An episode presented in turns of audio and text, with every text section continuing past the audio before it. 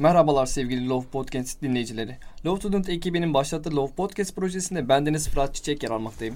Yayınlarımızın hepsini başta lovepodcast.com olmak üzere Spotify, Apple Podcast, SoundCloud platformlarından dinleyebilir, ilgili hukuki içerikler hakkında bilgi edinebilirsiniz.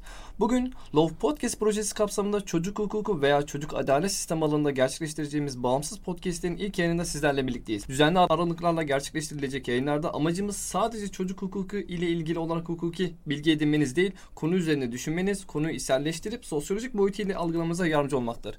Keza çocuk hukuku dediğimiz zaman sadece teknik olarak çocuk kavramı veya hukuk kavramı gelmemesi lazım bizlerin aklına. Bununla beraber çocuk yargılamasında çalışacak hukukçu ve avukat arkadaşlarımızın birçok disiplinlerden yararlanması gerekiyor. Keza belirttiğim gibi sosyolojiyle beraber bir adli tıp konusunda da bilgi sahibi olması gerekiyor. Aynı şekilde bir pedagojik bilgiye sahip olması gerekiyor diye tamamlamam gerekiyor. Bununla beraber kendimi tanıtmam gerekirse ben İstanbul Bursu Çocuk Hakları Merkezi Genel Sekreterliğini yürütüyorum. Çocuk alanında çalışıyorum ve bu alanda çalışan bir avukat olarak bugünkü konuğumda bir avukat arkadaşımız avukat Kardelen Yarlı. Hoş geldiniz. Merhaba. Bugün sizlerle şöyle ki Birleşmiş Milletler Çocuk Hakları Sözleşmesi üzerine bir program yapacağız. Birleşmiş Milletler Çocuk Hakları Sözleşmesi nedir üzerine ben bir kısa giriş yaptıktan sonra sözü tekrardan size bırakacağım. Birleşmiş Milletler Çocuk Hakları Sözleşmesi dünya üzerinde 196 devlet tarafından imzalanan tek sözleşme. Bu şu anlama gelir. 196 devlet şunu söylüyor, şunu taahhüt ediyor. Ben kendi ülkemde bulunan çocukları güvence altına almakla yükümlüyüm deniliyor. Ve dünya üzerinde bir sözleşmeyi en çok imzalayan sözleşme yani tipidir. Bununla beraber dünya üzerinde imzalamayan tek devlet ise Amerika Birleşik Devletleri'dir. İmzalamamasının tek sebebi ise şudur. Sözleşmenin taraf devlete getirmiş olduğu yükümlülüklerdir. Bu sebepten dolayı Amerika Birleşik Devletleri şunu söylüyor. Ben bu sözleşmeyi yerine getiremem denildikten sonra 1989 yılında bu sözleşme imzalanıyor. İmzalandıktan sonra Türkiye bu sözleşmeyi imzalayan ilk devletlerden biri. Ve 1985 yılında yürürlüğe giriyor Türkiye'de. Her ne kadar ilk imzalayan devlet olsa bile Peki ülkedeki yansıması yani iç hukuka yansıması ise 2005 yılında Çocuk Koruma Kanunu ile gerçekleşiyor. Biraz geç oldu ve biz de o sürede birazcık sarsıntıdayız. Çünkü 91'de doğdum ben ve o sürede hani Çocuk Koruma Kanunu'ndan faydalanamadık. Yani çocuk olduğumuz dönemde. Peki Birleşmiş Milletler Çocuk Hakları Sözleşmesi bir çocuğa neler getiriyor? Ve uluslararası alanda kurumsal bir kavram haline gelen çocuk kavramında e, çocuklara faydası nedir diye sorsam Kardinal Hanım. Öncelikle aslında şöyle değerlendirmek lazım. Sadece çocuklarla ilgili böyle bir sözleşmenin yapılmış olması, bunun düşünülmüş ve bunun çalışılmış olması bile aslında teknik olarak hem hukukçular hem de çocuk aktivistleri anlamında çok önemli bir gelişme. Çünkü biz genelde ne yazık ki hem hukuk sisteminde hem de dünya üzerinde sözleşmeleri sadece yetişkinler arası ya da yetişkinlerle ilgili olarak yapıyoruz. Ya da işte kurumlarla e, veya kurumla yetişkin arasında yapıyoruz. Aslında bizim çocuğu özne olarak aldığımız belki de resmi anlamda ilk belge Birleşmiş Milletler'in bu sözleşmesi olabilir. Bu açıdan önemli. Yani çocuğun gerçekten birey olarak kabul edildiği bir e, nesne olmaktan çıkıp özne olduğu, tamamen çocuğa yönelik olan, çocukla yetişkinden daha ziyade öznesinin sadece ve sadece çocuk olduğu belki de ilk sözleşme. Bu açıdan önemli. İkincisi şu, e, 196 devlet aslında devletlerin ya da daha doğrusu ülkelerin sayısının fazla olması ve ülkelerin bazılarının çok gönüllü olmasa da aslında çocukla ilgili oluşan bu kamuoyundan ötürü belki de imzalamak istemeyen ülkelerin dahi buna dahil olmak zorunda olması ve çok yüksek bir sayı yakalanması. Yani burada biz 3 ülkeden, 5 ülkeden, 10 ülkeden değil de 196 ülkeden bahsediyoruz. Bu çok önemli bir şey. Sayı olarak çok fazla olmak. Sizin dediğiniz Amerika örneğine gelirsek bu çok dikkat çekici bir şey. Çünkü mesela Amerika her ne kadar böyle özgürlük hukuklar ülkesi olarak lanse edilse de aslında hukuk devleti içerisinde bizim polis devleti olarak tanımladığımız bir ülke ve bu polis devleti olması sadece oradaki işte siyahileri, e, göçmenleri, yetişkinleri ve kadınları değil aslında çocukları da çok etkiliyor. Hatta böyle geçenlerde bir e, dijital platformda Amerika'da zamanında yaşanan çocukların yargılamasına yönelik bir kısa dizi vardı belgesel tadında belki izlemişsindir When They See Us diye. Orada mesela Amerika'daki çocuk yargılama sistemi aslında konuşulup tartışılıyordu. Yani dört tane masum çocuğun hayatının Amerika'daki adalet ve kolluk sistemiyle nasıl değiştirildiği ve dört masum çocuğun nasıl yetişkinliğini kaybettiği. Burada da zaten Amerika'nın neden bu sözleşmeyi çekince koyduğunu görüyoruz. Çünkü değil çocuklar için yetişkinler için bile zaten kendi ülkesinde hukuk devleti olmasının gereğini sağlayamıyor. Belki de Amerika'nın gerçekten senin dediğin gibi hani çekince koymasının sebebi bu. Ben bu yükümlülükleri yerine getiremeyeceğim çünkü yetişkinler için bile zaten bunu yapamıyorum. Bizim açımızdan en önemli nokta ise bence çocuğun varlığının resmi olarak bizde kabul ediliyor olması. Çünkü bizim kültürümüzde çocuk henüz hala ne yazık ki teknik olarak olmasa da anlayış olarak bir mal. Yani ebeveynin bir uzantısı, kolu bacağı gibi. Kesinlikle. Annenin babanın sahip olduğu bir şey aslında. Belki de bu anlamda böyle bir sözleşmenin imzalanıp bize çocuk koruma kanunuyla yansıtılması aslında bizim ülkemizin çocuk odaklı adalet anlayışı anlamında ilk güzel proje olmuş olabilir diye düşünüyorum. Kesinlikle. Ben aslında şöyle düşünüyorum. Yani sözleşmenin bu kadar geç gelmesinin 1989 yılında imzalanmasını açıklıyorum ben. Hak temelli gelen sözleşmelerin ilki zaten insan hakları üzerine geldi. Hmm. Ondan sonra kadın hakları geldi. En son çocuk hakları geldi. Şu Evet. an konuşulan konu zaten hayvan hakları ve LGBT bireylerin haklarına ilişkin işte çalışmalar yürütülüyor. Şu şekilde açıklıyorum ben. Çocuğun seçme hakkının bulunmadığından dolayı yani bir oy kullanabilme potansiyeli bulunmadığından dolayı her zaman Evet. öteki bir sınıf. Yani toplumda aslında öteki olmasının bence en temel sebebi seçim hakkının olmaması. Yani oy kullanım. Bu aslında şeye geliyor. Yani Yetişkin olmaması. Yetişkin olmaması, bir birey olarak bakılmaması ama sözleşmenin getirmiş olduğu bir hak var aslında hani çocuğa katılım hakkı var. Evet. Yani çocuğun görüşlerine başvurulma hakkı var. Özellikle mesela velayet dosyalarında genelde 8 yaşın üzerindeki çocuklarda artık bir görüş durumu söz konusu. Yani görüşünü almanız gerekiyor. Önemli bir hak diye düşünüyorum. Bunun dışında 196 devletin imzalaması çok ayrı bir nokta ve bu noktada Türkiye de imzaladı ama bununla beraber İran Cumhuriyeti ve Suriye Cumhuriyeti de imzalamış yani. Özellikle İran'da iki sene önce bu konuda mesela istismar konusunda tarikatlar ve dini kurumlarda Hı hı. işte hani istismar gündeme gelmişti ve muhalefetin en çok öne sürdüğü durum en çok öne sürdüğü şer Birleşmiş Milletler Çocuk Hakları Sözleşmesi. Devlet bu sözleşmeyi imzaladı ve sözleşme kapsamında aslında istismardan korunma gibi bir durum söz konusu ve devlet neden bu yükümlülüğünü yerine getirmiyor gibi bir Evet. e, muhalefet yapmışlardı. Bununla beraber getirilen bir takım haklar var. Belki onlardan bahsedebiliriz. Yani sözleşmenin çocuklar için yetişkinlerden farklı olarak getirilen haklardan. Mesela oyun oynama hakkı var. Evet. Bu var. Sonra senin aklına gelen birkaç haç- Mesela katılım hakkı var dediğin gibi. Özellikle biz bunu yerel hukukta ya da işte ulusal hukukta senin dediğin gibi gene aynı şekilde şeyde görüyoruz. Velayet davalarında görüyoruz. Yani çocuğun mutlaka e, birlikte yaşayacağı ebeveyniyle alakalı olarak fikrinin sorulması ve görüşünün alınması. Tabii ki bunu beyan edebilecek bir olgunluğa, düzeye sahipse. Yani bunu e, işte 5 aylık bebeğe soramayız ama senin dediğin gibi 8 e, yaşındaki bir çocuğun veya daha üst yaştaki bir çocuğun artık bu konuda fikri alınabilir. Alınabilirden daha ziyade aslında alınmalı. Çünkü hayatı boyunca o ebeveynle birlikte kalacak olan ve aslında kendi üzerindeki bütün haklarını devredilecek kişi o yetişkin. Anne ya da baba. Burada mesela bu katılım hakkından ziyade ben şunu da önemsiyorum. Hani velayet anlamında.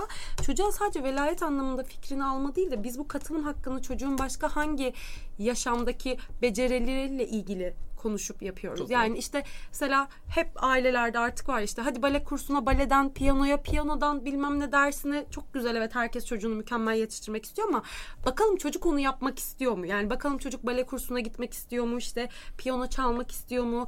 Ee, özel okulda bir akademik başarı odaklı mı yetişmek istiyor yoksa böyle işte mutlu çocuk okullarında tırnak içerisinde söylüyorum hani yeni getirilen sistemde mutlu çocuk okullarında olup işte sanatla, edebiyatla ya da kültürün başka alanlarıyla mı çalışıp birlikte olmak istiyor? Velayette okey çok güzel ama onun mesela geri kalanında katılım hakkı olarak bence gene çocuğun fikrini sormuyoruz ve hep şey diyoruz. Biz zaten onun iyiliği için her şeyi düşünüyoruz. O zaten çok küçük anlamaz şimdi. Büyüyünce yaptığımız iyiliğin farkında olacak. Ama belki de çocuk hayatı boyunca piyanodan hep nefret ede ede çalacak. Ya da ne bileyim işte erkek çocuğu mutlaka futbola yönlendiriyoruz da e, çocuk aslında artistik jimnastikte çok başarılı olabilecekken orası bir kız çocuğu sporu diye oraya göndermiyoruz. Ya da sor işte hangi sporu yapmak istersinden daha ziyade bence spor yapmak ister misin diye bile sormuyoruz. Kesinlikle. ki, O- Sen bunu yapmak zorundasın sağlığın için. Orada başka bir sorun daha ortaya çıkıyor. Bu sefer e, çocuklara cinsiyet rollerini çok erken yaşlarda Evet. veriyoruz. Yani hani kız çocuklarının futbol oynamaması yönünde. Ben dün mesela adliyedeydim bir küçük çocuğu gördüm maalesef. Çocuk işte herhalde ağır cezanın önünde bekliyordu annesiyle beraber ve ablası da oradaydı. Küçük çocuk topla oynuyorken işte ablası topa değdiği anda hani hemen bir refleks olarak şunu söyledi. Kız çocukları top oynamaz dedi yani böyle açık bir net bir Aa. şekilde. Oturdu tekrar yerine. Biz hani senin dediğin bu katılım hakkının aslında bu toplumsal cinsiyet eşitliğiyle alakalı ve hani erken yaşlarda cinsiyet rollerinin dağıtımıyla alakalı hani e, gibi bir durum söz konusu olabiliyor ama katılım hakkını aslında sadece resmi olarak velayet dosyalarında veya da başka çocuk dosyalarında değil. Hani katılım hakkını aslında toplumun tamamına ve gündelik hayatın içerisine yaymamız gerekiyor. Evet. Bu da bence birazcık böyle e, bir devlet politikası, kamu otoritesinin göreviymiş gibi geliyor bana. Yani ailelere bu konuda eğitimler verilmesi, hatta hocalara, e, öğretmenlere bu konuda eğitimler verilmesini düşünüyorum ben. Yok kesinlikle sana katılıyorum. Çünkü bu böyle hani birden işte çocuğun da bir katılım hakkı var ve bu bu bu haklar buralarda kullanılacak diye olabilecek bir şey değil. Bunun böyle bir eğitim ve sosyal politika olarak ailelere deklare edilmesi lazım ki ailelerdeki o zihniyette değişsin. Mesela toplumsal cinsiyetle alakalı şu hep e, renkler var, işte oyuncaklar var. Mesela aslında oyun hakkı da var. İşte çocuğun oyun oynama hakkı var mesela ama biz şöyle yapıyoruz. Ne yapıyoruz? İşte 4 artı 4 sistemde 6 yaşında artık başlayabiliyorlar. Otomatik olarak aileler şöyle düşünüyor. Bu çocuğun oyun çağı bitti. Geçmiş olsun. Halbuki o hala aslında bir oyun çocuğu. Ama okula başladığı anda çocuğun oyun oynama hakkı otomatik elinden alınıyor. Bu çocuk işte okulda zaten oynayamıyor teneffüslerde. Belki eve geldiğinde de ders yapması lazım. Ödevler çok yoğun 3 saat. Sonra işte yemek, duş, çocuk yatıyor. Yani biz isteyerek değil ama bilinçsiz olarak belki de bilinç dışında çocuğun oyun oynama hakkını okula başladığı andan itibaren elinden almış oluyoruz. Ya burada gene bir hak ihlali var ama belki de bilinçli yaptığımız bir şey değil. Ama kafa otomatik şöyle çalışıyor. Çocuk okula başladıysa artık oyun çağı geçmiştir. Bu bile çocuğun belki psikososyal gelişimini çok geç e, uyaran ya da belki de eksik yanlış gelişmesine sebep olan bir şey. Tabii bunu çok uzun vadede ancak anlayabiliyoruz. Yetişkin olduğunda o da anlayabilirsek. Yani. Yani aslında e, sözleşmenin getirmiş olduğu yani yetişkinlere verilen hakların dışında bazı haklar da verilmiş orada. Oyun oynama hakkı ve gün içerisinde dinlenme hakkı, Hakkı. denen bir hak var. Öyle arasında uyuması gerekiyor bu çocuğun. Bununla beraber oyun hakkı üzerinden belki biraz yürümek gerekirse hani başta belirttim ya işin sosyolojik boyutuyla da alakalı. Yani burada Türkiye'de yetişkinler arasında genelde sınıfsal ayrım olduğunda bir, bir Hı. işsizlik durumu olduğundan, gelir eşitsizliği durumu olduğundan bahsediliyor ama hani bunu en çarpıcı olarak gördüğümüz çocuklardır. Yani okullardan okullara farklılık gösteriyor. Bazen sen de biliyorsun bazı okullara Hı. gidersin böyle eğitimleri çocuk haklarını anlatırsın. Çocuklar zaten Birleşmiş Milletler Çocuk Hakları Sözleşmesi'ni yalayıp yutmuşlar biliyorlardır. Hani Evet. onlar size hatırlatır. Ama mesela ben bazı devlet okullarına gittiğim zaman yani konferans salonunda terlediğimi nefes alamadığımı hissediyorum yani. O, kadar kötü bodrum katında ki. Ve bununla beraber okulun fiziki şartları bu oyun oynama hakkına ilişkin hiçbir şartları yerine getirilmemiş ve okul bahçesi hiçbir şekilde zaten bu hakkı yerine getirebilecek bir düzeyde ve durumda değildir diye düşünüyorum. Yok kesinlikle öyle. Yani o çocuklarda çok çarpıcı bir şekilde görebiliyorsunuz bu gelir eşitsizliğini ve sosyal devlet anlayışının aslında çok fazla işlemediğini görebiliyorsunuz. Evet. Bir de belki şunu söyleyebiliriz hani oyun hakkından da artı olarak bu işte kapsamlı cinsellik eğitimi. Mesela temelde baktığımızda işte çocuğun eğitim hakkı içerisinde gene Birleşmiş Milletler Sözleşmesi'nin altında aslında bu eğitim hakkının içerisinde çocuğa bunu da vermemiz lazım. Yani kapsamlı cinsellik eğitiminden. Ki bu çocuk cinsel şiddetten nasıl korunabileceğini bilsin. Ya da işte güvenli cinsellik nasıl olur cinsel ya da işte cinsel kimliği mesela çocuk burada farklı bir cinsel kimliğe sahip olduğunda ya da cinsel yönelime bu durumu nasıl kurtarabileceğini demeyeyim bu çok yanlış olur ama nasıl kendini tanımlayabileceğini ve hayatında bu şekilde bu kimlikle nasıl devam edebileceğini, nasıl bir gerek almak istiyorsa sosyal destek alabileceğini. Ama mesela biz bunlardan çocuklara hiç bahsetmiyoruz. İşte evet okullarda mahremiyet eğitimi veriyoruz ama mahremiyet eğitimi işte özel bölge neresi, iyi dokunuş, kötü dokunuş, kendinizi nasıl koruyacaksınız? Bununla bitiyor. Ama bu çocuklar içlerinde eşcinsel çocuklar var, transgender olanlar var, işte LGBT plus'lar var ve farklı hisseden, farklı yaşayanlar var ama biz bunları anlatmadığımız için orada o çocuk kendi kendini ötekileştiriyor. Zaten diğerlerinin hiç ötekileştirmesine gerek kalmadan ve ister istemez dışlanıyor ve bütün yetişkinlik hayatı boyunca da böyle geçiyor. Aslında biz çocuğun eğitim hakkının içerisinde işte cinsellikle ilgili eğitim, yani oyunla ilgili eğitim ya da başka alanlarla ilgili eğitimleri de es geçiyoruz. Eğitimi sadece bir akademik başarıya odaklıyoruz. Bu da aslında çocuğun hakkını gasp etmeye giriyor Tabii bence. eğitim hakkını gasp etmeye girer kısmen. Haklardan devam ediyorken bence en önemli haklardan biri aslında taraf devleti yani sözleşme imzalanan devlete yüklemiş olduğu en önemli hak şudur. İstismardan korunma hakkı. Ve bu noktada devletin önleyici mekanizmayı oluşturması gerekiyor. Önce belki bir istismar kavramını açıklamak gerekiyor diye düşünüyorum. Türkiye'de istismar kavramı sadece çok dar ve teknik ve hukuki anlamda TCK 103 kapsamına giren suçlar istismar kavramı içerisine girer. Yani cinsel davranışlar olarak belirtiliyor. Fakat istismar kavramı Dünya Sağlık Örgütü diyor ki istismar bu değildir sadece. İstismar Evet. dediğimiz şey duygusal istismar var, fiziksel istismar var. Bir çocuğun e, ailesinden, annesinden şiddet görmesi, maline uğraması, bakım yükünün yerine getirilmemesi Kesinlikle. ebeveyn tarafından bir istismar kavramı içerisine girer. Hatta bir çocuğun sanayide çalışıp emek sömürüsünün içerisinde bulunması yani Ekonomik işçi, olarak. ekonomik sömürünün içerisinde bulunması bile istismar kavramı içerisine girer. Peki Türkiye'de taraf devletlerine yüklenilen bu istismardan korunma yükümlülüğüne ilişkin bir önleyici mekanizma var mıdır? Yani istismarı engellemeye yönelik. Ya aslında şu var bence en temelde zaten çocuk koruma kanunu var. Hani ve biz bunu zaten Birleşmiş Milletler Sözleşmesi'nin bir yansıması olarak iç hukukta getirdik. En temelde ama burada problem şu bence çocuk koruma kanunu çocuk adalet sisteminin içine girdikten sonra hep uygulanan bir kanun. Halbuki bizim e, aslında şunu konuşmamız lazım. Çocuk bu sisteme hiç nasıl girmemeli? Nasıl dahil olmamalı? Ne yaparız da bu çocuklar işte 10 kişiyken bir kişiye düşer bu sisteme girerken? Bunun için aslında önleyici bir şey, önleyici bir kanun var mı dediğimizde hayır çocuk koruma kanunu bir şey olduktan sonra çocuklar işte nasıl yargılanır, nasıl rehabilite edilir, çocuğa nasıl davranılır bunu görüyoruz. İşte korunmaya muhtaç çocuk, suça sürüklenen çocuk ya da işte mağdur çocuk olarak. Ama bu çocuklar bu sıfatları nasıl almaz? Buna çok bakmıyoruz. Ha burada ne var? İşte evet daha önce kendi aramızda konuştuğumuz gibi Pekin kuralları, Havana, Lahey ama bunlar biraz daha çocuk sisteme katıldıktan sonra çocuğa nasıl müdahale edeceğimiz ve nasıl muamele edeceğimizle alakalı. Doğru. Ama evrenselden ziyade ulusal bir çocuk kalkındırma ya da çocuk koruma projemiz var mı? İşte Adalet Bakanlığı, Sosyal Hizmetler, Aile ve Çalışma Politikalar Bakanlığı ve Sağlık Bakanlığı olarak ortak bir protokolümüz var mı? Yok. Keşke olsa ama biz de bunun için bastırıyoruz yani. yani bir çocuk politikasının olması gerekiyor devletin. Kesinlikle, kesinlikle. Mesela, mesela son dediğiniz gibi Türkiye'de zaten en büyük sorunlardan biri bence bu. Yani ihlal gerçekleştikten sonra sorun konuşuluyor. Yani özellikle bazı alanlarda hani sorun ne kadar ortaya çıkarsa konuşulması o kadar artıyor ve göz önüne gelmesi o kadar artıyor. Mesela çocuk ölümlerinden bahsedeceğim. Hani bu konuya örnek verebilirsem. Evet. E, Rabia Naz dosyasıyla alakalı Rabia Naz dosyasını bir şekilde bir gazeteci ve babası ortaya çıkardı. Bunun üzerine gittiler. Bunun bir sorun olduğunu ve bunun kendi bir e, Türkiye'de gerçekleşen bir çocuk ölümünün aslında devletin sözleşme kapsamında pozitif yükümlülüğü kapsamında bunu araştırmak ve o ölümü engellemek, bununla beraber negatif hükümlü bunun soruşturmasını gerçekleştirmek. Şimdi Rabia Naz dosyasında böyle bir durum gerçekleşmedi. Şimdi mecliste bir çocuk komisyonu kuruldu. En son bildiğim kadarıyla herhalde çocuğun öldüğü ilçeye gidildi. Evet, bir araştırma yapıldı. Keşif yapılması gerekiyor.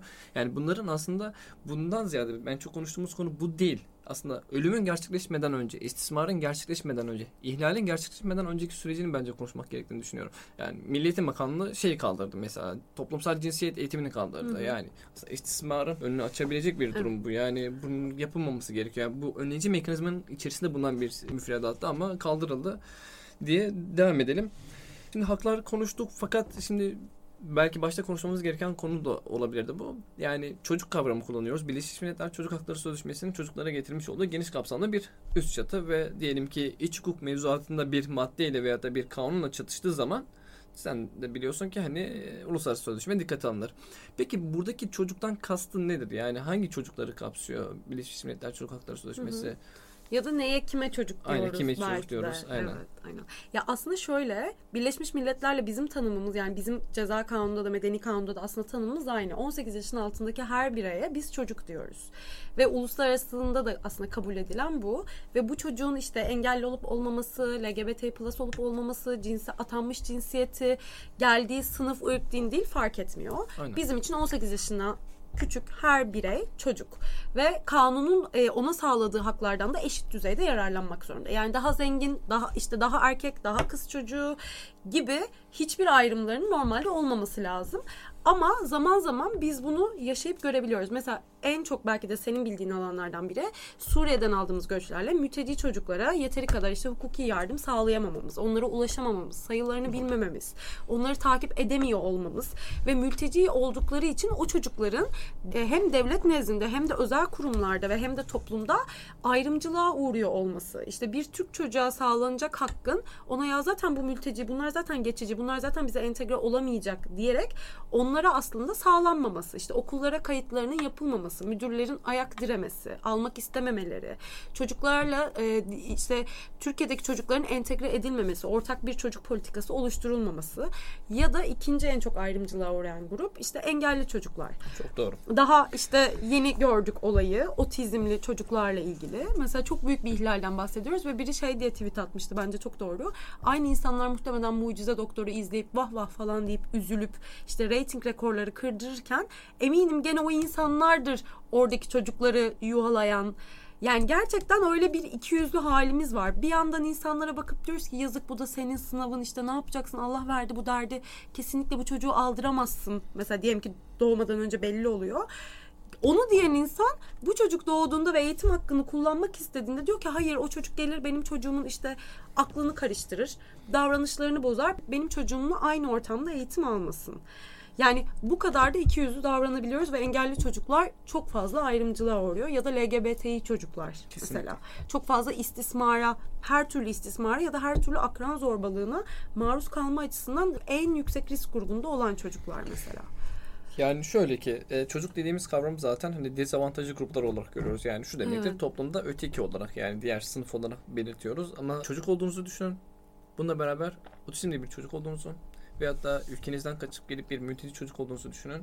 Bunlar daha dezavantajlı. Ötekinin ötekisi diye ben tanımlıyorum. Evet. Hani çok kötü bir durumdalar. Devletin çok daha yoğun bir politikasının olması lazım. Hatta alanda çalışan bizlerin bile belki de bu noktada daha çok yoğunlaşması lazım. Mülteci çocuklar olsun veya engelli çocuklarla olsun. Geçen ay sanırım e, iki ay önce miydi ne, e, bir programla karşılaştım. Engelli mülteci çocuklarla alakalı bir çalışma yürüten bir dernek var. Bakın engelli Hmm. mülteci çocuklar yani onları düşünün yani. Evet. Çok kötü durumdalar. Otizmli çocuklarla yani Aksaray'da yaşanan bu olayla beraber zaten aslında sözleşmenin maddesini, ikinci maddesini ihlal etmiş oluyoruz. Yani şunu söylüyor ikinci maddesi. Taraf devletin sınırları içerisinde bulunan ırk, dil, din fark Hmm. etmeksizin her çocuğa bunu uygulamanız gerekiyor diyor. Yani bir çocuğun engelli olması, mülteci olması onun eğitim hakkını engelleyeceğiniz anlamına gelmez. Bence ayrımcılık yasağının en ağır hallerinden biri diye düşünüyorum ben bu durumda. En net.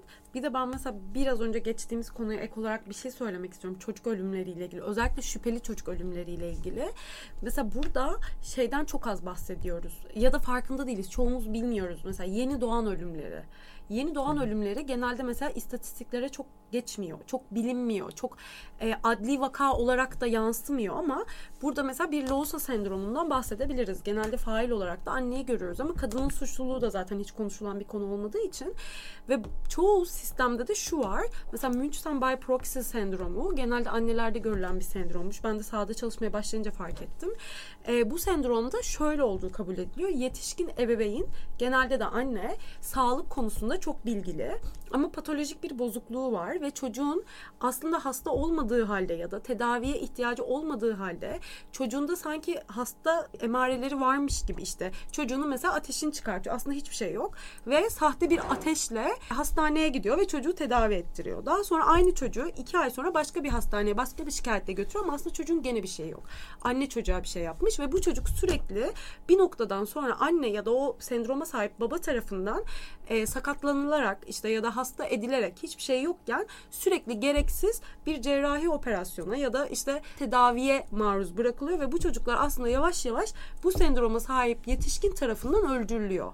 Çünkü bir noktadan sonra çocuk o kadar çok gereksiz işte ilaç, tedavi, cerrahi operasyona tabi tutuluyor ki çocuk gerçekten bir sağlık problemi yaşamaya başlıyor ve çocuğun hiçbir şeyi yokken çocuk bir noktadan sonra ölüyor ve bu ölümün sebebi anlaşılamıyor. İşte ani çocuk ölümü diye geliyor. Böyle kaydediliyor ve bitiyor. Halbuki belki de onun arkasında işte Münchhausen by proxy sendromu olan bir anne ya da baba var. Ya da onu e, uzun süre ihmal eden bir yetişkin bir ebeveyn var ama biz bunu hiç soruşturmadığımız, sisteme dahil etmediğimiz ya bu çocuk atıyorum bir yılda neden 15 kere devlet hastanesine geldi?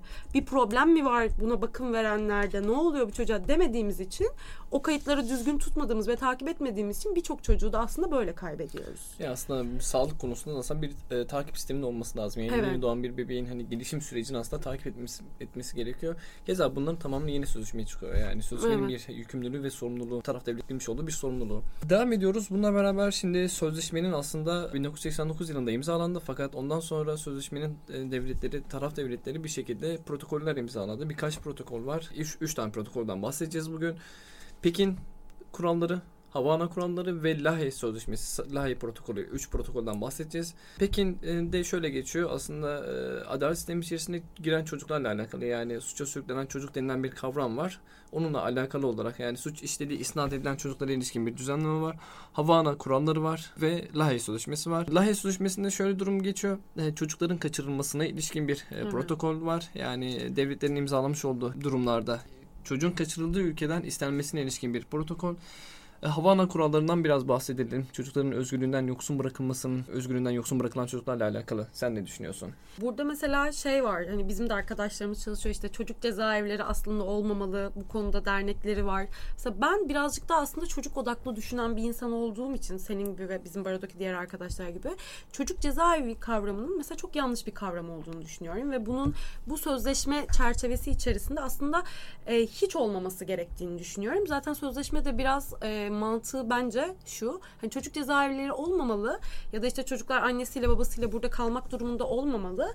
Ama eğer böyle bir durumda olacaksa çocuk yani kendi işlediği iddia edilen suç yüzünden ya da ebeveynin işlediği suç yüzünden böyle bir yere girecekse burada hakları ne olmalı, nasıl olmalı ve bu çocuk o sistemde nasıl korunmalı?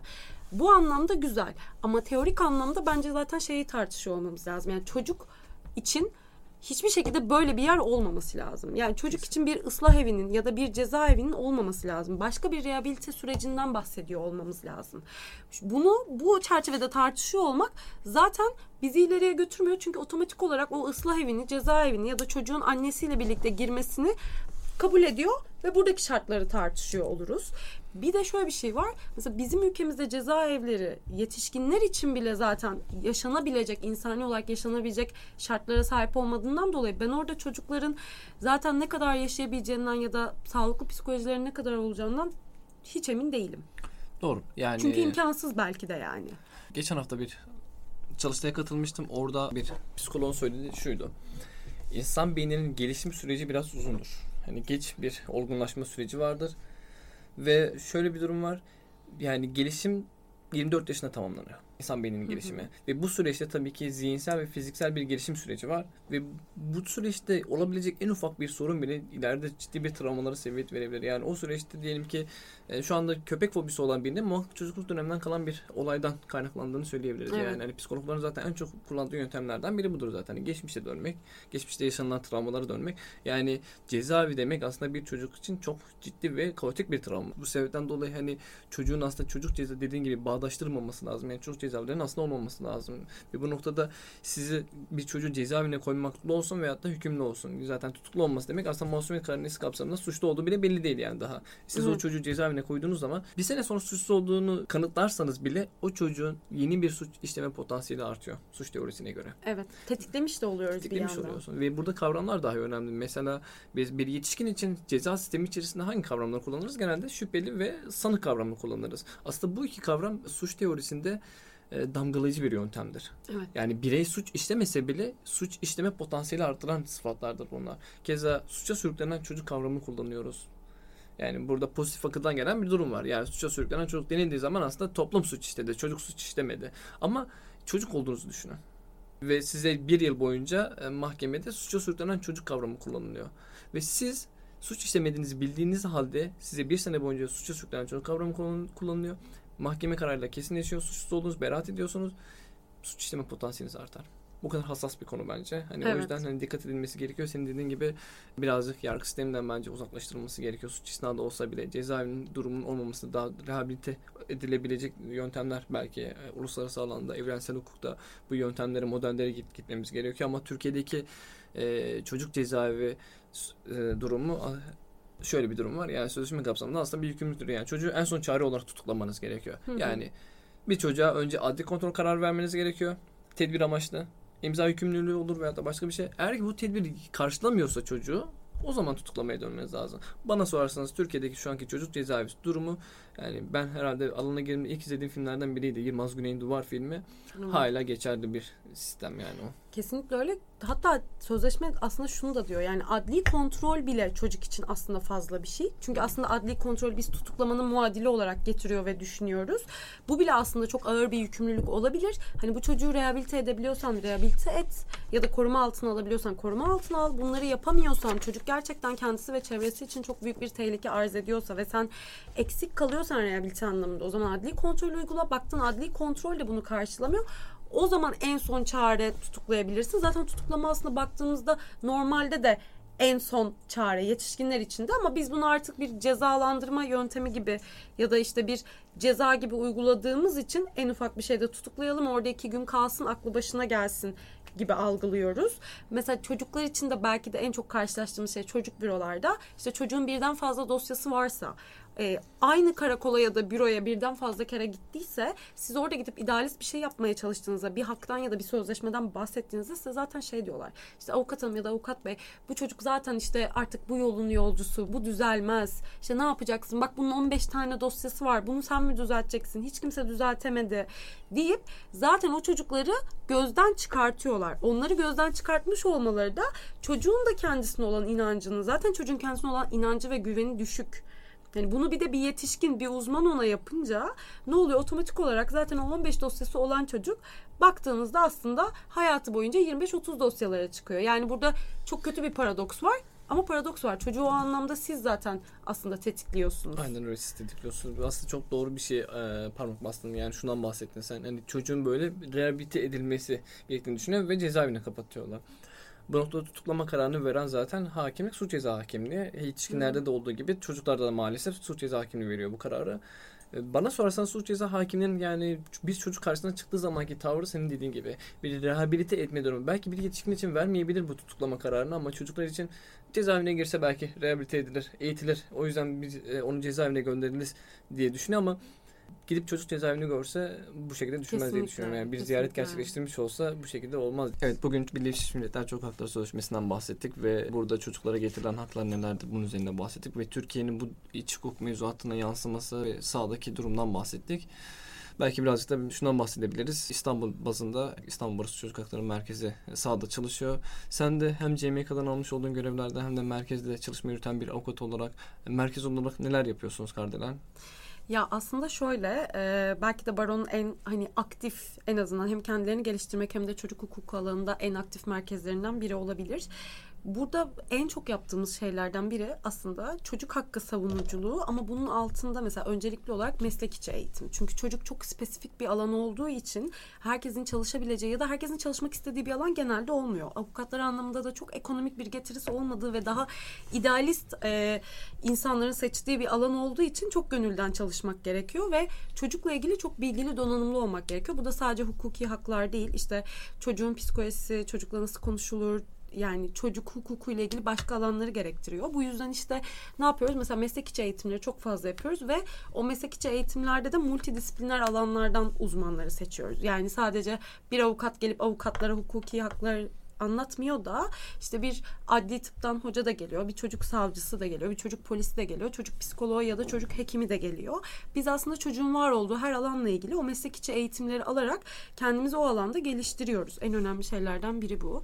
İkincisi de toplumda bir farkındalık yaratmayı amaçlıyoruz. Yani evet burada bir çocuk var ama bu çocuk kim, hakları neler, biz ona nasıl davranmalıyız, işte bu süreci bir çocuk adli, adalet sistemine girdiğinde bu süreci nasıl yönetmeliyiz gibi işte paneller, seminerler, çalıştaylar, bazen zaman zaman çocuklarla ilgili özel günlerde ya da haftalarda broşürler bunlar dizayn ediliyor ve bunlar mutlaka tabii basınla da paylaşılıyor çünkü bizim için önemli olan kamuoyunda zaten bir farkındalık ve duyarlılık yaratmak ve çocuk için çalıştığımızı anlatmak.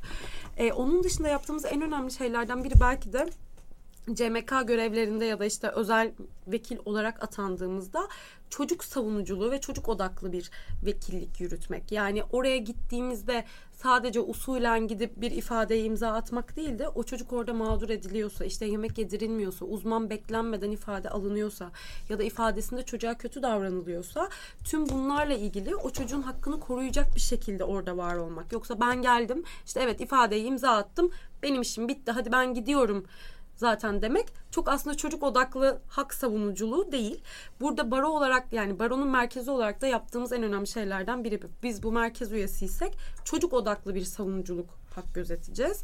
Başka yaptığımız şeylerden biri birazcık da diğer alanlarla ortaklaşa çalışmalar yürütmek. Yani hak savunuculuğu yapıyorsak sadece avukatlar olarak değil, işte burada kolluk kuvvetleriyle birlikte ortak çalışmalar, bilgilendirmeler, seminerler yapmak, atıyorum adli tıp uzmanlarıyla ortak avukatlar olarak bir şey yapmak. Yani sadece birbirimize eğitim vermek değil, alanda sahada birlikte çalışmak, dayanışmak belki de en önemli şeylerden biri bu.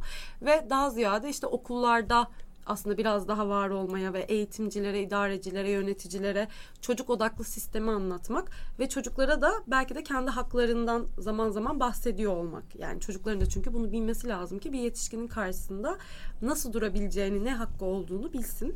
Ya bu anlamda tabii ki geliştirip gideceğimiz çok yol var ama ben aktif olarak, merkez olarak belki de en çok çalışan merkezlerden biri olduğumuzu düşünüyorum ama zor bir alan olduğu için sahada tabii ki yıpranma payı avukatlar için de çok yüksek oluyor yani. Çok teşekkür ederim Kardelen. Ben teşekkür Çocuk alanında çalışabilecek yani hukukçuların ve avukatların e, bununla beraber hani ileride bu alanda çalışacak kişilerin hani aslında e, en çok dikkat etmesi gerekenlerden biri, ilkelerden biri gizliliktir zaten. Buna dikkat Hı hı. etmemiz gerekiyor. Yani diğer alanlardan ayıran özelliği gizlilik olması. Yani herhangi bir aleni durum söz konusu değil burada. Belki bu noktada biraz zorlanıyor olabiliriz. Evet. Ee, bununla beraber arkadaşlar, e, dinleyiciler, bundan sonraki programlarımızda da zaten çocuk hukuku ve çocuk adalet sistemini anlatacağız. İlk programımız Birleşmiş Sokaklar Sokaklar Sözleşmesi'ydi. Bir sonraki programda görüşmek dileğiyle. Kendinize iyi bakın.